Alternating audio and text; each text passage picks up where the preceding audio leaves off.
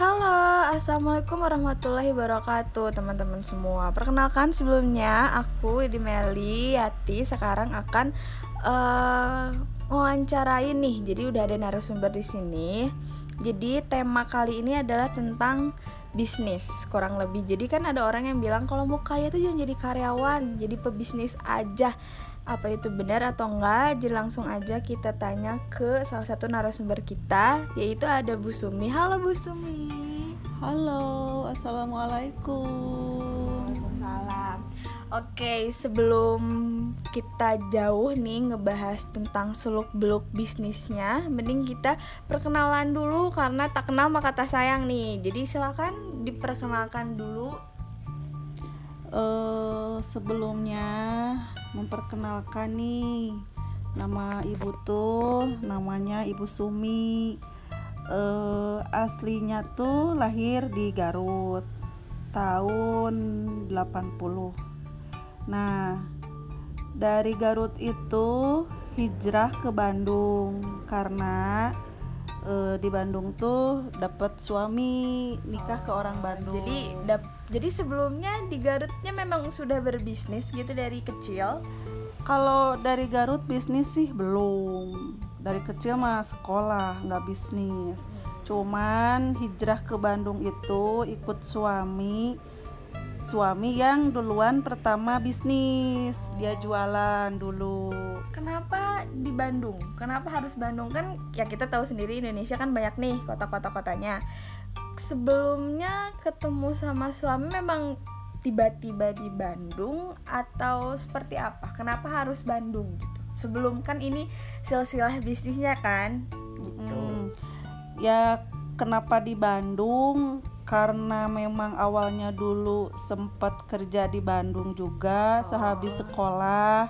Nah ya itu jadinya di Bandung jadi nikah tinggal di Bandung gitu. Di Bandungnya di mana tuh rumahnya? Bandungnya di ujung Berung deket alun-alun.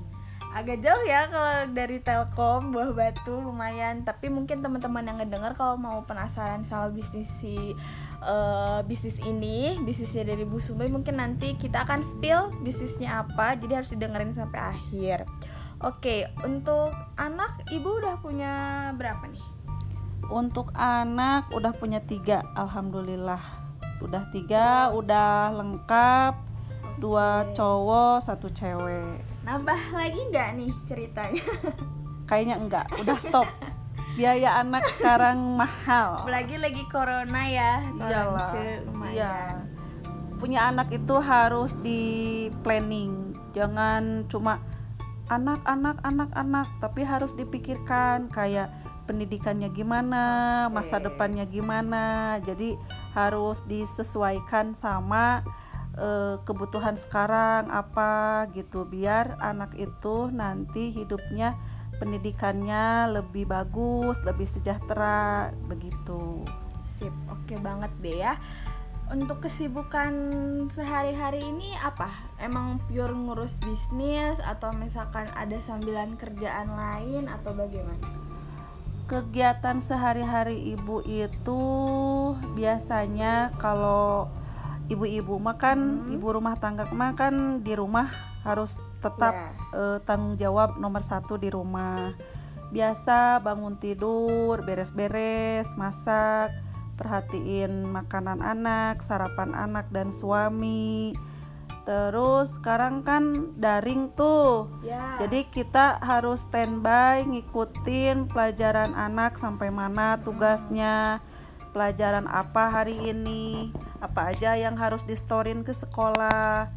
Nah biasanya kesibukannya sehari-hari itu kayak gitu dulu di rumah dulu. Nah kalau misalnya pekerjaan di rumah udah aman udah selesai semua baru kita uh, lihat uh, cek uh, itu apa bisnis bisnis kita kita kan buka toko juga online juga gitu Oke, sempet nyinggung soal daring nih ya. Gimana sih ngadepin daring anak-anak gitu di masa pandemi dan lumayan agak lama ya, udah hampir setahun lebih juga gitu kondisinya. Dua tahun, udah ya, mau hampir, dua tahun. Ya. Mm. Gimana tuh? Kesulitan nggak anaknya yang daring itu kelas berapa aja Subhanallah banget itu teh apa corona teh ya Allah daring itu memang menyita waktu ya Mm-mm. Ini kan anak udah tiga nih memang yang satu udah kuliah Iya. yang satu mau masuk SMP baru kelas 6 yang satu kelas 4 mau kelas 5 yang beratnya itu tuh kalau misalnya berbarengan tugas anak itu bareng Mm-mm. ngerjain juga harus bareng gitu sedangkan kita kan di sini ibaratnya kejar-kejaran waktu sama harus nyiapin sarapan harus masak. Kadang kalau masak dulu tugas anak gimana? Telat. Mm-mm. kalau tugas anak dulu sarapan yang telat. Mm-mm. suami betul. mau berangkat kerja nggak bisa sarapan tuh. Kalau bisa mah ya tatap muka gitu kalau bisa milih gitu. Tapi kadang takut juga ya corona sekarang belum juga pergi. Jadi kendala daring yaitu kerepotan buat emak-emak di rumah apalagi yang berkarir juga gitu. Sedangkan kita kan ibu rumah tangga sambil karir itu kita udah percaya ke sekolah. Pendidikan anak kan di sekolah udah Iya. yakin. Kita fokus tuh ke kerjaan ke bisnis. Kalau begini jadi kita teh waktu teh dibagi-bagi banget mepet banget gitu harus pinter-pinternya Bagi-bagi kita waktu ya? Heeh, benar-benar Kalau di rumah ada yang memang nge-backup lagi nggak bu? Misalkan ngebantuin lagi, misalkan nge-hire orang lagi untuk di rumah, ngebantuin atau gimana?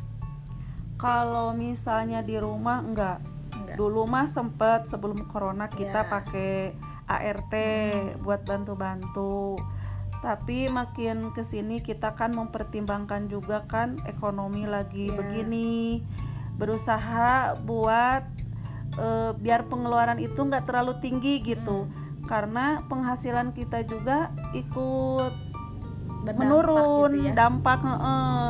jadi semua pekerjaan rumah itu nggak ada yang bantu paling juga ya kita eh, bantu-bantu sama suami Hmm, suami misalnya ngerjain apa ibunya ngerjain apa ya. kadang kalau anak lagi libur kalau misalnya kuliah siang anak yang bantu-bantu beres-beres juga kebetulan alhamdulillah udah ada anak yang bisa ngebantu di rumah karena udah gede juga udah kuliah juga gitu Oke deh.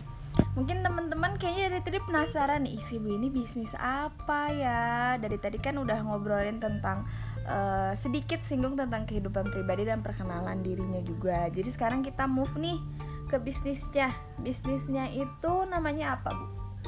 bisnisnya itu eh, di bidang fashion ya eh, namanya itu tokonya ya tokonya toko Mel Collection gitu Ada di mana tuh?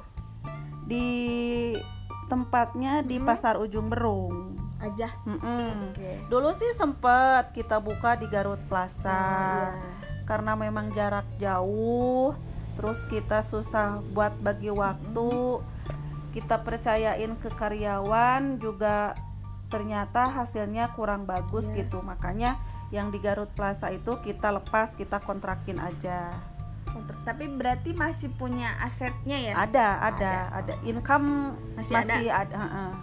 Oke, itu eh, di fashion di bidang apa tuh? Jeans kah, baju kah, eh, ke apa sasaran marketnya anak remaja atau gimana? Sepatu atau apa? Kalau dulu sih eh, kita ambil di sepatu sama tas Tahun jualannya. Itu jualan sepatu tas itu eh, tahun 2000, tahun 2001 masih tas sama Masih. baju, eh tas sama Hmm, sepatu. Nah, berhubung jualan tas sama sepatu itu banyak resiko dan buat berkembangnya itu lama gitu. Resikonya apa aja tuh? Kalau boleh tahu. Resikonya itu sisa nomor. Nomor Kalau ya? jualan sepatu yang lakunya itu pasti nomornya tuh yang 38, Ya. 39. Sendal juga gitu. jadi banyak nomor sisa yang tersisanya teh nomor kecil sama nomor besar Hmm. jadi nomor 36 nya tuh numpuk sisa nomor 40 juga numpuk sedangkan kita kan belanja itu tuh nggak bisa pilih nomor kalau di Iya. sendal sama di sepatu harus seri juga Hmm. nomor-nomornya nah dari situ kita itu eh, inisiatif buat ganti fashion. Kita ambil ke baju sama eh, bed cover spray-spray gitu yang resikonya lebih kecil gitu.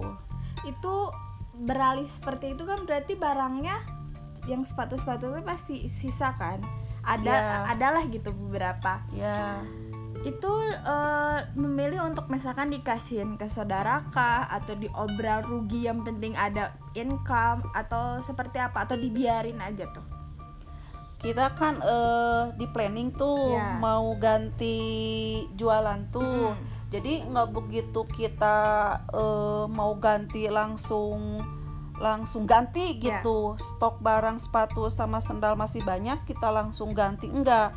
Jadi kita tuh eh, proses dulu. Jadi setahun sebelum ganti kita udah udah belanja udah dikurangan dikurangin. Terus stok-stok juga udah mulai dihabis-habisin gitu. Ya paling kalau yang sisa-sisanya yang udah mentok banget yang udah modelnya udah lama banget susah buat dijual kita kasih ke saudara. Kita eh, ada sih sebagian yang kita diskon harganya. Dari dari harga misalnya 100 Ya. jadi 75 gitu. Yang penting kita tidak merugi gitu. Yang penting modalnya bisa balik lagi ke kita gitu move-nya susah nggak bu? Misalkan kan awalnya nih sendal sepatu Ya. tiba-tiba ke baju. Ya kan ada beberapa mungkin langganan yang biasanya beli sepatu nih di ibu tiba-tiba belanjanya eh, barangnya tiba-tiba gak ada sepatunya gitu. Apakah di awal-awal itu ada kesulitan kah untuk misalkan memperkenalkan kembali atau menggait langganan baru dan mempertahankan yang biasanya langganan itu tetap belanja ke kita tapi belanjanya bukan sepatu gitu tapi baju gitu di awal-awal perpindahan itu kesulitan sih nggak ada ya Mm-mm. karena eh, kita itu di sini tokonya tuh alhamdulillahnya alhamdulillah bangetnya itu bukan cuma satu Oh, iya. tokonya itu jadi eh, ada tiga toko Hmm. jadi kita itu sebelum bener-bener sepatu sama sendalnya dihilangin banget kita itu udah si tokonya teh udah sebelah sepatu toko yang sebelahnya juga udah baju Oh, gitu iya, iya, iya. jadi ke konsumennya itu kita udah ngenalin, udah Hmm. ngobrol ke pelanggan-pelanggan juga udah dibilangin nanti nih di sini jualannya diganti ya sama baju, jualannya diganti ya sama jeans, sama atasan, gamis-gamis, baju anak gitu. Jadi ngasih sinyal lah Ya, ya. heeh. jadi si si konsumen itu udah tahu sebelumnya gitu, udah paham. Oh, si ibu ini nih toko ini udah diganti Iya. gitu. Jadi kita nggak ada kendala buat ganti produk gitu. Oke, tadi kan juga sempat disinggung nih, ada baju, ada jeans, ada gamis. Sebenarnya tuh eh, ada apa aja sih? Misalnya kalau teman-teman yang dengar nih mau ke toko Mel Collection tuh sebenarnya di tokonya itu ada apa aja? Di Pasar Ujung Berung kan ya, Bu? Mm, Blok apa tuh? Blok A. Blok A. Oke, Mm, jadi paling depan lah. Nggak paling depan sih dari depan teh ketiga lah nah, tokonya. mungkin bisa ditanyain lah ya. Mm, Oke, mm. apa spesifik produknya? Produknya itu sebenarnya tuh komplit Komplit. semua ada gitu. Kan kadang ya kalau jualan barang khusus cuma jeans aja. Mm. eh market kita itu kan eh mencakup dari baby sampai dewasa Iya. tuh. Biar gini kan, misalnya sepi di alat baby ada tuh baju anak, Iya. sepi di di baju anak ada keluar tuh baju-baju dewasa juga gitu. Jadi di sini itu di toko Mel Collection itu jualannya lengkap, Lengkap. komplit. Istilahnya dari dari hamil peralatan bayi tuh Mm-mm. sampai eh, usia kakek-kakek nenek ada di Iya, situ iya. semua lengkap komplit. Jadi kalau mau belanja tuh dari mau lahiran sampai mau sekolah, mau kuliah ada. ada di situ. Jadi bisa cuma satu toko tapi dapat semua Wah. gitu Jadi di highlight ya mungkin ada baju bayi, ada gamis, koko, dewasa, pokoknya Ada. jeans pokoknya dewasa lah Mm-mm. kayak kaos kemeja yang basic-basic seperti Iya. itu, daster. Terus juga eh, eh itu juga kayak spray bed Oh, cover selimut selimut juga ada Oh, ada ada. lengkap lengkap seragam juga. seragam ada Oh, ada. ada seragam Pandemi ini ya. Iya, Heeh, dua tahun ini mau dua tahun nih seragam teh agak ad- agak menurun lah. Heeh, iya, iya. Oke, emang emang jadinya tuh teman-teman kalau mau nyari eh, barang ke toko yang memang pengen langsung ada nggak perlu nggak perlu pindah-pindah ke toko-toko lain berarti ya Nggak perlu, kayak gitu mm-mm, jadi iya. langsung misalkan tantenya lagi hamil anaknya mau masuk sekolah bisa langsung ke satu toko ke Mel Collection dijamin murah, oke deh tapi nggak murahan Ya, tuh produknya bag- tuh kualitasnya tetap Hmm. imporan juga, kualitasnya Bagus ya. bagus. Tapi ini kayaknya ada yang penasaran juga nih kenapa namanya Mel Collection sedangkan tadi ibunya di awal memperkenalkan diri namanya bukan itu Mm-mm. asal muasalnya tuh apa nih sebelum move ke pembahasan yang mungkin lebih mendetail nantinya Lucu juga ya kalau ngebahas tentang nama toko, Iya. toko Mel gitu. kadang kan orang bilang kalau mau nentuin nama toko nama Bingung. brand itu selain bingung juga harus hati-hati kayak Iya. ngasih nama anak kan Uh-uh. kadang kan itu mungkin menentukan sebuah arti Uh-uh, dan iya. gimana nanti ke depannya nah gimana nih asal usulnya Jadi gini, waktu kita ngasih nama toko Mel Collection itu gini. eh anak pertama tuh lahirnya Hmm. teh di tahun 2000. itu udah ada bisnisnya Udah ada bisnis, Oh. tapi belum kita kasih nama toko. Belum ada Mm-mm, nama. Belum. Belum. Tahun 2000 itu belum belum ada nama toko, tapi toko udah punya kita itu. Ya. Nah, tahun 2000 itu alhamdulillah kita ibaratnya eh, mulai sukses kerasa suksesnya gitu. Mhm. Majunya berkembangnya itu di tahun 2000 itu. Oh, Pas eh, punya anak pertama. Ya. Nah, tahun 2000 itu kan Mhm. dulu disebutnya tahun milenium. Iya, iya, iya. Milenium Ya, dulu benar, tuh. benar, benar, Jadi kayak jualan tas milenium rame banget pokoknya kita booming lah sukses lah jualan jadi meraup meraup untung teh hampir meledak lah Ya. di situ teh rame banget nah kita itu berpikiran gini ah kita berbau-bau milenium ah nama tokonya yang gitu. ngikutin tren pada saat Ah, itu. nama juga nama anak itu ada mel-melnya Oh, gitu oke, oke, jadi oke. ya eh deal lah saat itu Mm-mm. keputusan saat itu nama tokonya jadi eh, toko Mel Collection gitu Oke, jadi sebenarnya bisnisnya ini udah ada dari tahun berapa?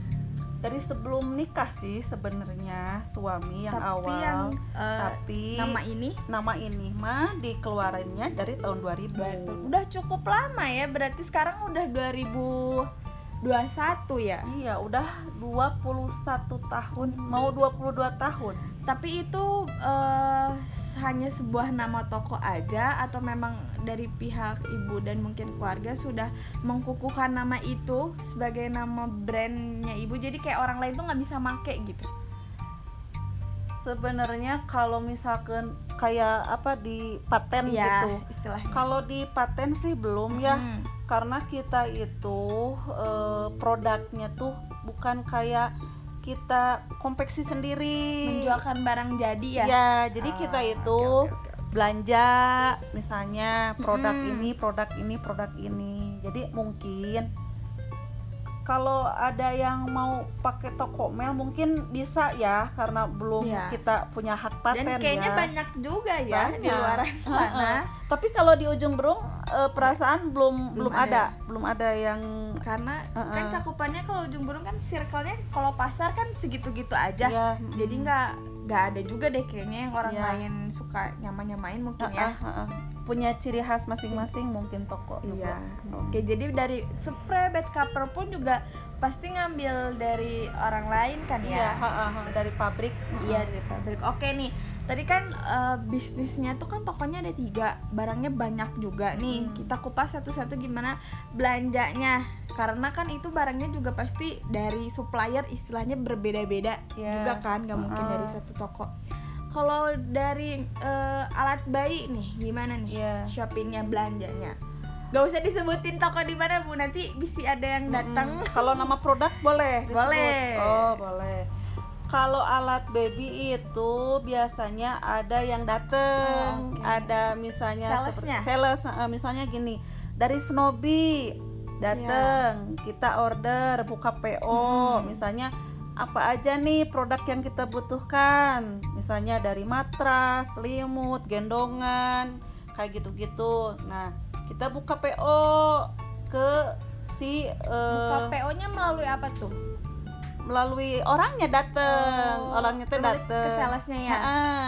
salesnya yang buka. PO ke kita apa aja dia catet nah setelah kita order setelah kita pesen tiga hari baru kirim barangnya Kalau yang nggak melalui sales itu langsung belanja. belanja sendiri Ke mana tuh Mm. kalau di Bandung biasanya? Kalau Daerah. misalnya Bandung kayak alat bayi-bayi gitu, kita belanja ada yang ke daerah Kebon Kalapa, Hmm, ada yang ke Pasar Baru juga, ya. Ada yang ke Pasar Andir. Kalau untuk harga yang melalui sales sama yang kayak misalnya ke uh, pasar baru atau ke Andir itu harganya tuh sama atau lebih murah? Sebenarnya sih kalau soal harga hampir sama ya. Eh, kita belanja sama kita kirim Mm. sama sales. Cuman mungkin ada kelebihan sama kekurangannya juga. Kalau misalnya kita yang belanja, eh, kita itu kadang mobil tuh nggak muat, Oh iya iya. jadi overload Iya. gitu, Nggak- penuh. Gak dikirim juga ya? Mm-mm. Jadi jadi kalau kita belanja mungkin kita kerepotan karena kebanyakan belanjanya. Nah, kalau misalnya kelebihan kita dikirim, ya kita tinggal duduk manis Mm-mm. aja. Kita kirim, kita ngecek-ngecek harga langsung pajang gitu. Oke, kalau untuk baju dewasa juga sama. Ada yang melalui sales gitu atau pure belanja sendiri?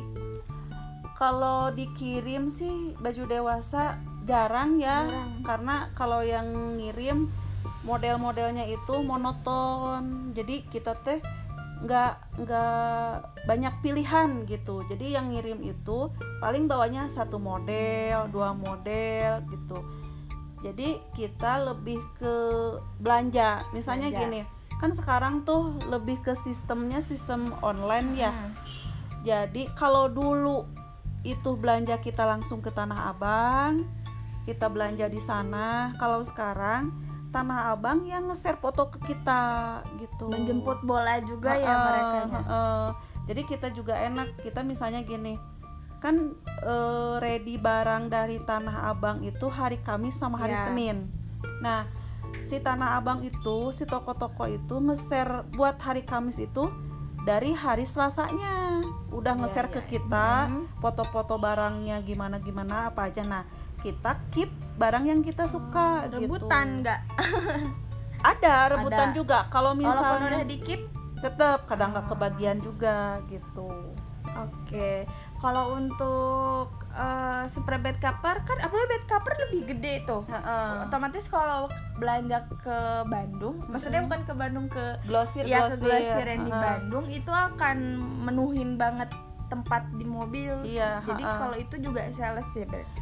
Eh, sales, sales dikirim langsung dari pabriknya, Oke. dari misalnya dari internal nih. Iya. Dia datang ke toko Hmm. nawarin produk internal, kita eh, pesen Ya. mana kan itu mah ini ya. Kalau kayak spray bed cover gitu mah banyak tipe. Mm. banyak corak.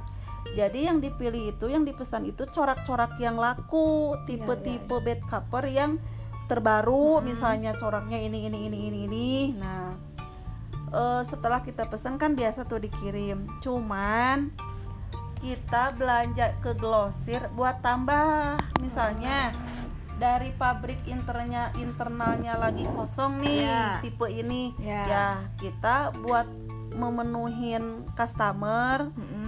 Kan suka ada pesanan tuh langganan-langganan tipe-tipenya iya, iya. kita pergi sendiri buat nyari tipe-tipe yang nggak ada di pabrik gitu Oke. Kalau untuk berarti apa nih? Oh, baju anak dan seragam. ya Itu juga kurang lebih sama ya? seragam kita ke konveksinya Oh, langsung. Ah, ah, kayak ngemaklun gitu jadi eh, kalau Dengan brand sendiri atau ngikut aja? ngikut aja Oh. karena kita eh, biar resiko buat bikin nama lebih sedikit Iya. gitu resikonya tapi insya Allah lah ke depannya kalau misalnya Coronanya udah, udah Ah, nggak ada. kita memang udah ada rencana buat bikin brand sendiri nama-nama Iya. bajunya sendiri gitu Mungkin kalau sekarang kondisinya belum memungkinkan buat ke arah sana kali ya. Soalnya kan apalagi sekarang Bandung coronanya lagi Naik lagi. lagi. Mm-mm. Jadi sekolah kayaknya yang kayaknya udah mau masuk nggak Mm-mm. jadi lagi. kayaknya iya gitu. mm-mm, mm-mm. Baju Iya, anak benar. pun juga sama ya belanja. imporan Oh, iya barang-barang Jakarta semua kalau baju anak apalagi baju anak itu kan eh, modelnya eh banyak banget gitu jadi kita mesti Iya belanja apalagi keluar. kalau dewasa kan biasanya all size ya. Nah, Kalau anak-anak kan umurnya beda-beda, Beda-beda. ukuran juga nggak mungkin nggak bisa all size juga, mungkin lebih ringkihnya di situ ya. iya jadi kalau baju anak itu kita belanjanya tuh nggak bisa pilih nomor Iya. baju anak itu harus seri misalnya nih kaos dari usia 0 bulan sampai usia 12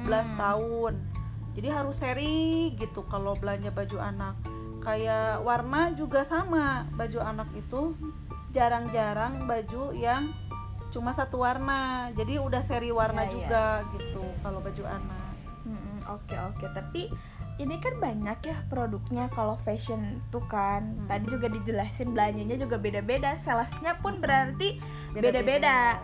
Kenapa memilih di bidang fashion gitu? Sebenarnya kan bisnis ini kan eh, cakupannya luas juga. ada kuliner ya, ada ya. kuliner, ada mungkin bisa di bidang jasa dan lain-lain banyak banget.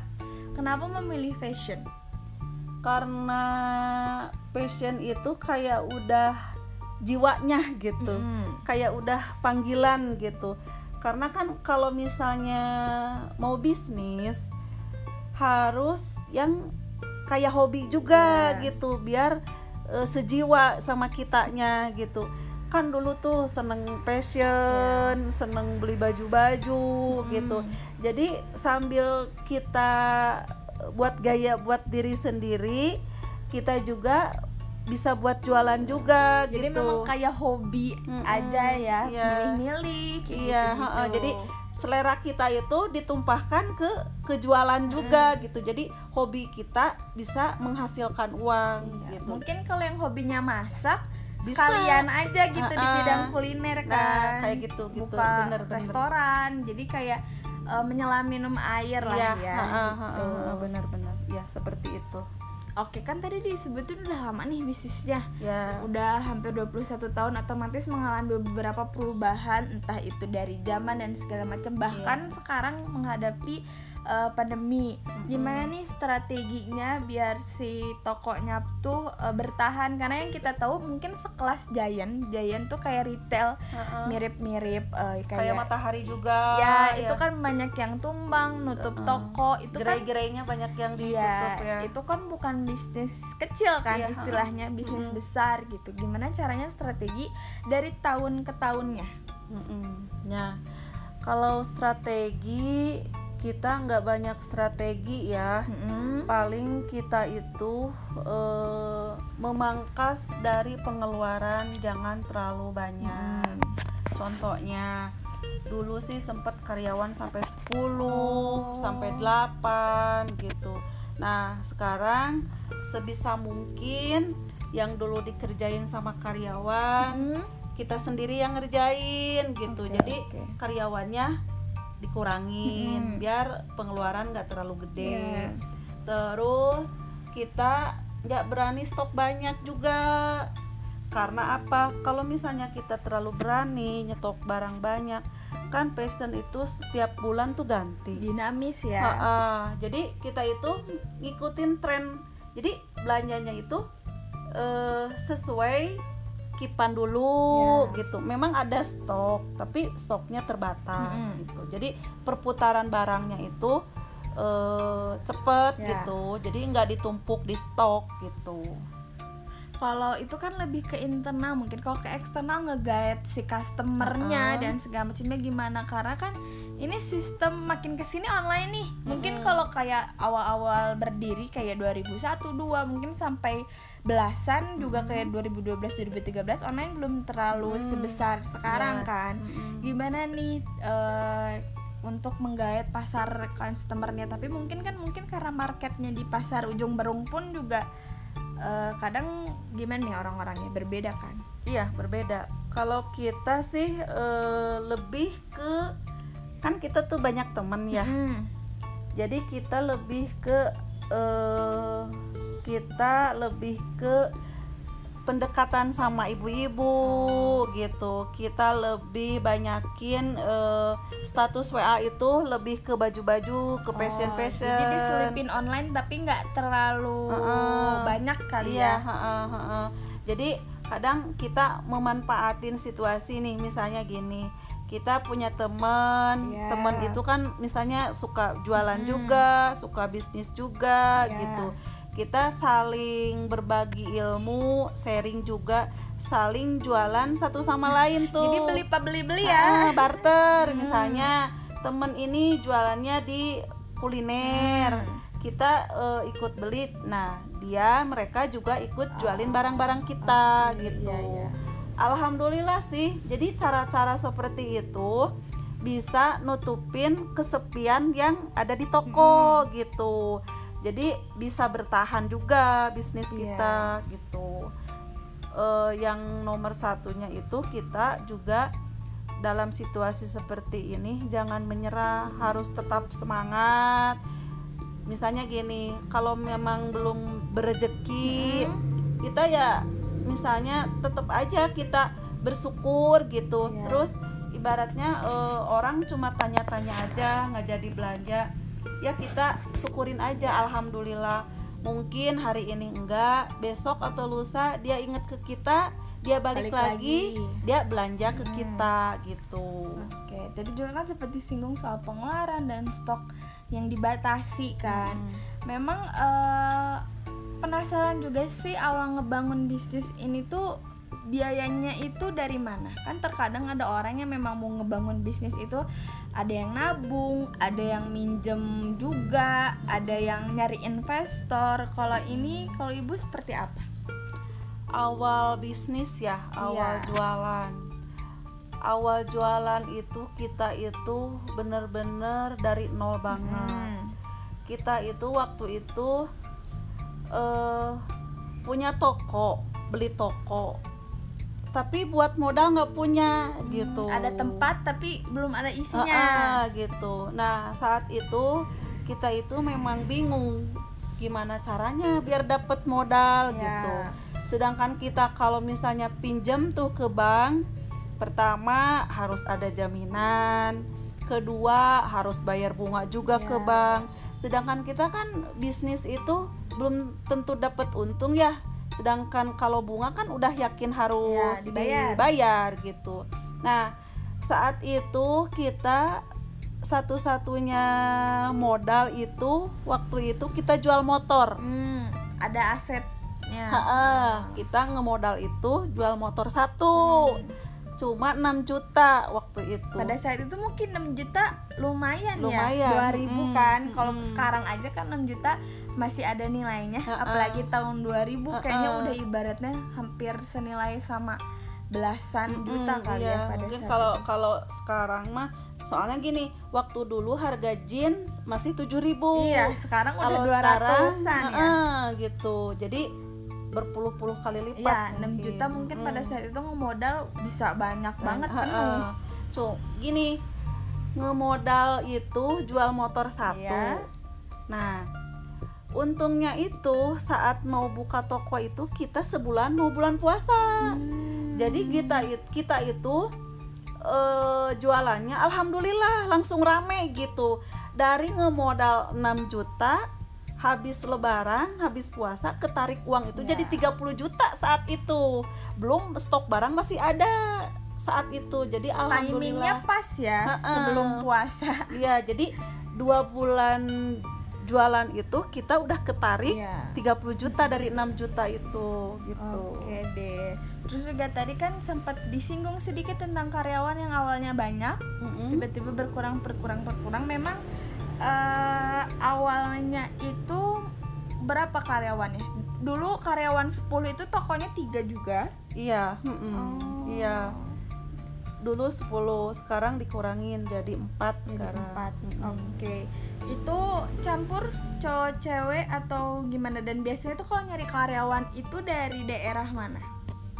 Kalau campur sih enggak ya, Enggak. kita lebih ke cewek semua belum karena pernah nih yang cowok-cowok kalau mau nyari kerja Belum. belum, oh belum, pernah mm-mm, kenapa mm-mm. tuh Karena apa ya? Kalau cowok lebih agak susah buat buat ngedidik gitu. Hmm. Kan kalau toko itu kan megang uang. ya Kepercayaan juga nomor satu. Jadi kita lebih ke cewek percayanya. Bukan berarti cowok nggak jujur ya. Tapi karena memang kita karyawan tidur di rumah juga Oh, lagi. semuanya. Mm-mm, jadi Oh. kalau misalnya kita punya karyawan cowok, cewek digabung kan gimana? Jadi kalau cewek semua kan enak Mm-mm. gitu. Buat ngatur di rumah, buat ngatur di toko juga enak. oke itu job desknya apa aja pure di toko tuh buka toko melayani gitu Iya, iya. Karyawan itu pure buat di toko. Oh. Ya kalau misalnya udah pulang ke rumah mungkin kalau ada buat piring kotor gitu ya, Oh, ya iya. bantu-bantu bareng-bareng juga Oh, suka iya, gitu. iya. Tapi tanggung jawabnya memang di toko di ya toko, iya. kalau di tokonya eh, ibu pakai barcode scan atau selayaknya pasar tradisional pada umumnya yang adu tawar dan segala macam Kalau di pasar pakai barcode mah agak susah ya Belum karena ya? cenderung di pasar itu lebih ke nawar gitu. Oh. Jadi kita eh, barang itu kita kasih kode, kita eh, tahu kodenya Oke, apa, ya. berapa. Terus kalau ada konsumen datang kita tawarin, ya biasa transaksi biasa. itu kan ada kodenya nih gimana Iya. cara mendidik karyawan kan setiap karyawan pasti datang tuh belum tahu apa-apa Ya, mm. mungkin yang eh, nge-hire ibu tuh eh, pekaryawannya hanya yang sudah berpengalaman saja atau enggak enggak, oh enggak, enggak, iya. Eh, Hmm. justru malah lebih enak yang dari awal oh kita kenapa ngedidik. tuh ngedidiknya soalnya kayak gimana Ya di kayak kasih tahu Hmm. cara melayani konsumen harus gimana, Ya. harus ramah, harus baik Mm-mm. gitu. Kalau misalnya ada yang eh, beli harus bilang terima kasih. Jadi harus ramah aja gitu. kesulitan terbesar kalau ngedidik ngedidik kayak gitu tuh gimana sih kodenya itu kan pasti mungkin dasarnya mikir kan Mm-mm. ada mungkin eh, yang eh, susah untuk Jual. ya, eh, ada yang Mm-mm. susah buat ngebaca kodenya atau gimana Mm-mm. jadi kesulitannya tuh apa sih kalau pada saat awal-awal Kesulitannya paling eh, di hitungan. dihitungan Eh, dagang kadang- harus bisa ngitung Iya, ya iya. Kadang si karyawan itu buat ngitung modal berapa, harus dijual berapa. Nah, di situ kayak tegang Mm-mm. gitu karyawan teh takut buat Salah ya. harga, heeh, gitu. Tapi kita selalu bimbing dulu Hmm. di awal, kasih tahu dulu. Jadi si karyawan itu tiga bulan pertama mah, eh, jadi kayak belajar aja dulu. Jadi nggak ditargetin harus dapat konsumen Iya. harus dapat untung enggak jadi kalau Mm-mm. misalnya kita nekenin ke karyawan kamu nih harus udah dapat keuntungan segini ya per hari gitu. Kalau kita begitu mungkin malah tertekan karyawannya. Jadi nggak ada target ya? Nggak ada. Oh, nggak ada. Cuman lebih ke di awal-awal itu dia harus merhatiin kita eh, cara jualan Mm. gimana melayani konsumen kayak gimana ramahnya harus gimana Iya. gitu. Nah dari situ karyawan sering ngeliat memperhatikan. Jadi dia belajar sendiri tahu sendiri bisa sendiri itu rata-rata karyawannya itu udah eh, udah lulus sekolah kah atau misalkan ibu juga narafin standar minimal pendidikannya apa atau gimana rata-rata sih uh, udah lulus sekolah Hmm. rata-rata gitu jadi kalau yang anaknya masih sekolah mah ya nggak kita terima Ya. karena tanggung jawabnya juga kan sekolah gimana Ya. gitu nah eh buat apa tadi pertanyaannya ada standar pendidikan gak misalkan Oh, minimal tuh mm-mm. harus eh, SMA atau minimal Oh, harus eh, ditegasin gitu Mm-mm. pendidikan gak minimal lah eh, lulus SMP oh SMP SMP bisa oh SMP bisa. bisa, kan kalau orang-orang daerah tuh buat mau sekolah SMA mungkin Susah jarak ya. jauh kadang biaya juga orang Mm-mm. tuanya nggak punya kadang eh, terbentur karena eh, misalnya pendidikan itu Ya. dari jarak rumah tuh Mm. jauh gitu jadi yang kalau kalau kata ibu mah ya buat karyawan itu bukan harus pendidikannya tamat SMA Hmm. gitu bukan lebih cenderung ke kepribadian Oh, oke. anaknya baik Iya. jujur gitu kita terima emang tadi kan sempat disinggung di daerah memang biasanya ka- nyari karyawannya itu tuh dari mana sih atau kayak ya udahlah kan Bebas. bisnisnya di ujung berung Ah, nyari orang-orang sekitar tetangga aja atau gimana pengalaman di sini ya di toko Mm. Mel itu Iya. kebanyakan karyawan itu dari misalnya gini nih ada yang duluan kerja tuh sama kita Iya. misalnya udah 2 3 tahun 4 Iya. tahun kita nih butuh nih buat tambahan Hmm. karyawan bawalah tetangganya Oh, bawalah oke. saudaranya jadi Hmm. kebanyakan tuh dari luar kota, Luar kota? Heeh. dari dari daerah Garut misalnya Oh, gitu masih kerabat ada kerabat juga yang ikut kerja ada yang orang lain juga gitu oke kalau misalkan eh, kendala terbesar punya karyawan itu apa sih yang peng- pengalaman ibu kan bisnis sudah lama nih Hmm. karyawan udah pernah dari yang banyak dari yang Ah. sedikit Ah. trouble trouble masalah-masalah yang eh, itu tuh kayak gimana sih apalagi kan ini dari daerah kadang kan ada perbedaan budaya kultur apalagi kan tinggal di rumah ibu juga gimana tuh biasanya cara ngadepinnya kalau udah ada kendala kayak gitu apakah langsung dipecat diberi sistemnya mungkin kalau di perusahaan SP atau seperti apa Mm. kalau kendala karyawan sih kalau misalnya budaya atau kultur mah Mm. enggak ya karena beda. memang kita kan masih Jawa Barat juga Mm. Sunda juga Bandung Garut kan Iya. nggak terlalu jauh Iya. juga gitu paling kebiasaannya mungkin eh, biasa di rumah sendiri bangun siang Oh, iya. sekarang kan udah kerja harus ada tanggung Ya, jawab mungkin betul. kita lebih ke setiap pagi itu kita bangunin Hmm. ingetin harus bekerja gitu awal-awal mungkin dia agak agak oh kerja ya agak gimana Hmm. gitu tapi lama-lama dia juga udah tahu tanggung jawab oh saya tahu tanggung jawabnya ini ini ini Hmm. kerja jam segini pulang Iya, jam iya, segini iya, iya, gitu. jadi nggak nggak terlalu banyak kendala. Cuman yang paling itu ya yang paling bikin kita eh apa kayak bingung sedih juga mungkin ngadepin karyawan yang tingkat kejujurannya Oh, rendah. pernah juga tuh ngalamin. pernah sering malah. Terus gimana tuh? Apakah langsung eh, dipecat atau kayak dimarahin dulu atau gimana tuh? Eh, kadang kan kalau misalnya tentang kejujuran ya itu kan udah ditanamkan dari Ya. dirinya. Kadang dirubah pun susah ya. Ha-ha, kita udah ngingetin misalnya gini ketahuan nih dia ambil uang misalnya dia jual barang tapi uangnya kan nggak nyampe ke kita Hmm. gitu pertama ketahuan kita masih udah nggak apa-apa Ya. biarin dulu gitu udah satu dua tiga kali baru kita tegor Mm. loh kok misalnya ini jual ini kok uangnya nggak ada eh, barangnya nggak ada ketahuannya dari mana tuh CCTV ada nggak CCTV nggak ada. Oh, nggak ada. Heeh. Kita kan ada pembukuan Oh, ada gitu. ya. Heeh. Jadi kita cek buku juga, Oh, oke, cek oke, stok oke, barang gitu. Kalau stoknya mer- berkurang, masih manual ya heeh, heeh. iya, iya manual. Kalau misalnya stok barangnya berkurang, nggak ada, Hmm. terus di catatan nggak ada, nah baru kita eh, kasih dipanggil su si karyawan. Dikasih pertanyaan Hmm. ditanyain gitu barang ini ke mana? Laku enggak Hmm. gitu. Nah dari situ biasanya eh, ketahuan dia jujur atau enggaknya. Dipecat kah langsung? Enggak langsung. Oh, enggak. kita kan istilahnya kan eh, ngasih dulu peringatan dikasih dulu sayang banget gitu kalau misalnya kita harus bohong. Hmm.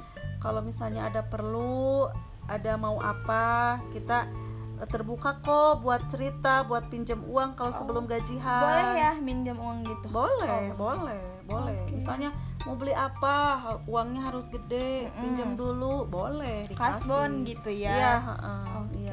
Memangnya kalau untuk sistem penggajian itu ibu memilih misalkan seminggu sekali, sebulan sekali, atau seperti apa? sebulan sekali kalau Sebulan gajian ya eh, kalau uang jajan sih harian ada, Oh, ada. Mm. Jadi uang gaji di luar uang jajan. iya Oh. iya di luar uang jajan kalau misalnya eh, makan Iya. kan makan mah di rumah Hmm, ngontrak juga nggak ngontrak karena pulangnya ke rumah Oke. kalau buat makan dia bawa juga dari rumah gitu jadi nasi bekal Heeh, gitu ya. heeh. jadi kalau misalnya uang jajan ya Mm-mm. buat jajan dia gitu Kalau tunjangan yang lainnya ada bu?